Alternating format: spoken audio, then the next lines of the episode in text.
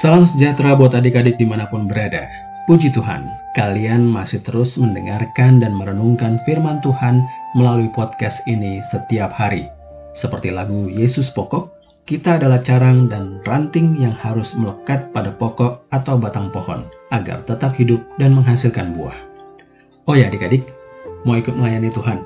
Salah satu yang bisa kalian lakukan untuk melayani Tuhan adalah dengan membagikan podcast renungan ini kepada teman-teman kalian, bisa melalui WhatsApp atau email. Ajak mereka untuk bersama membaca dan merenungkan firman Tuhan melalui podcast ini setiap hari.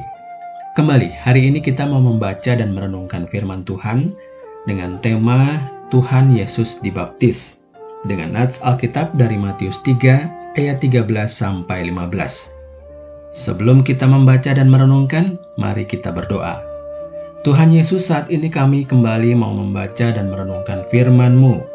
Terima kasih ya Tuhan, berbicaralah melalui firman-Mu, kami siap mendengar. Dalam nama Yesus, amin. Matius 3 ayat 13 sampai 15. Yesus dibaptis Yohanes. Maka datanglah Yesus dari Galilea ke Yordan kepada Yohanes untuk dibaptis olehnya. Tetapi Yohanes mencegah dia, katanya, Akulah yang perlu dibaptis olehmu, dan engkau yang datang kepadaku. Lalu Yesus menjawab katanya kepadanya, Biarlah hal itu terjadi, karena demikianlah sepatutnya kita menggenapkan seluruh kehendak Allah. Dan Yohanes pun menurutinya. Sesudah dibaptis, Yesus segera keluar dari air dan pada waktu itu juga langit terbuka dan ia melihat roh Allah seperti burung merpati turun ke atasnya. Lalu terdengarlah suara dari sorga yang mengatakan, Inilah anakku yang kukasihi, kepadanyalah aku berkenan. Demikian firman Tuhan hari ini. Bacaan kita hari ini terfokus pada ayat 13 yang berbunyi, Maka datanglah Yesus dari Galilea ke Yordan kepada Yohanes untuk dibaptis olehnya. Adik-adik, banyak kejadian yang mewarnai kehidupan Tuhan Yesus sejak ia di dalam kandungan. Pada masa kelahiran, bahkan hingga Tuhan Yesus beranjak dewasa. Namun pelayanannya yang sesungguhnya belum dimulai. Pada umur 30 tahun, Tuhan Yesus datang ke sungai Yordan untuk dibaptis oleh Yohanes Pembaptis dan peristiwa ini menjadi tanda permulaan pelayanannya di dunia. Untuk memenuhi hukum Taurat adik-adik, dan ketaatan Tuhan Yesus kepada Allah Bapa, Tuhan Yesus yang anak Allah bersedia merendahkan diri untuk dibaptis oleh Yohanes Pembaptis.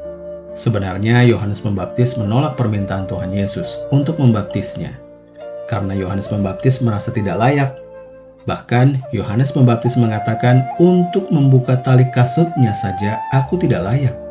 Setelah Tuhan Yesus keluar dari air, terdengar suara dari langit, suara dari Allah Bapa. Inilah anakku yang kukasihi, kepadanya aku berkenan. Nah, adik-adik, maukah kita terus belajar dan memahami arti dari baptisan? Maukah kita mengakui bahwa Allah Bapa, Allah Anak, dan Allah Roh Kudus adalah Allah yang Tritunggal, yang menguasai dunia ini, memelihara hidup kita, yang menjadi juru selamat kita, dan membimbing hidup kita. Hari ini adik-adik, kita merenungkan apa arti baptisan kudus yang diterima setiap orang percaya, termasuk kalian, adik-adik, dan om. Ketika kita sudah dibaptis dalam nama Allah Tritunggal, kita sudah menjadi satu, satu tubuh dengan Kristus yang adalah kepala. Kita pun menjadi satu dalam pelayanan Tuhan Yesus di dunia. Saat ini, dengan bagian kita masing-masing, kita turut melayani Tuhan dengan mengabarkan kabar baik kepada sesama. Seperti Tuhan Yesus dibaptis sebagai tanda permulaan pelayanannya di dunia, adik-adik pun punya panggilan juga untuk melayani Tuhan setelah kalian dibaptis. Kalau kalian berkata, "Ah, aku kan masih kecil, Om. Apa yang aku bisa lakukan untuk pelayanan Tuhan?" Seperti di awal Om sampaikan, Salah satunya adalah dengan membagikan podcast ini dan mengajak teman-teman kalian untuk bersama membaca dan merenungkan firman Tuhan setiap hari. Buat kalian yang sudah besar dan punya sosial media, kalian juga bisa membagikan podcast ini dan membuat postingan di medsos kalian, sehingga makin banyak orang yang mau belajar mengenal Tuhan Yesus lebih dalam lagi. Apa kalian bisa lakukan itu? Yuk, Om percaya kalian bisa melayani Tuhan dengan apa yang kalian miliki saat ini. Kita sama-sama bertekad hari ini adik-adik. Aku mau dibaptis seperti Tuhan Yesus dan melayani Tuhan dengan apa yang aku punya. Mari kita berdoa. Bapa di surga, terima kasih karena kami boleh belajar dari kisah pembaptisan Yesus yang menjadi tanda dimulai pelayanan Tuhan Yesus di dunia.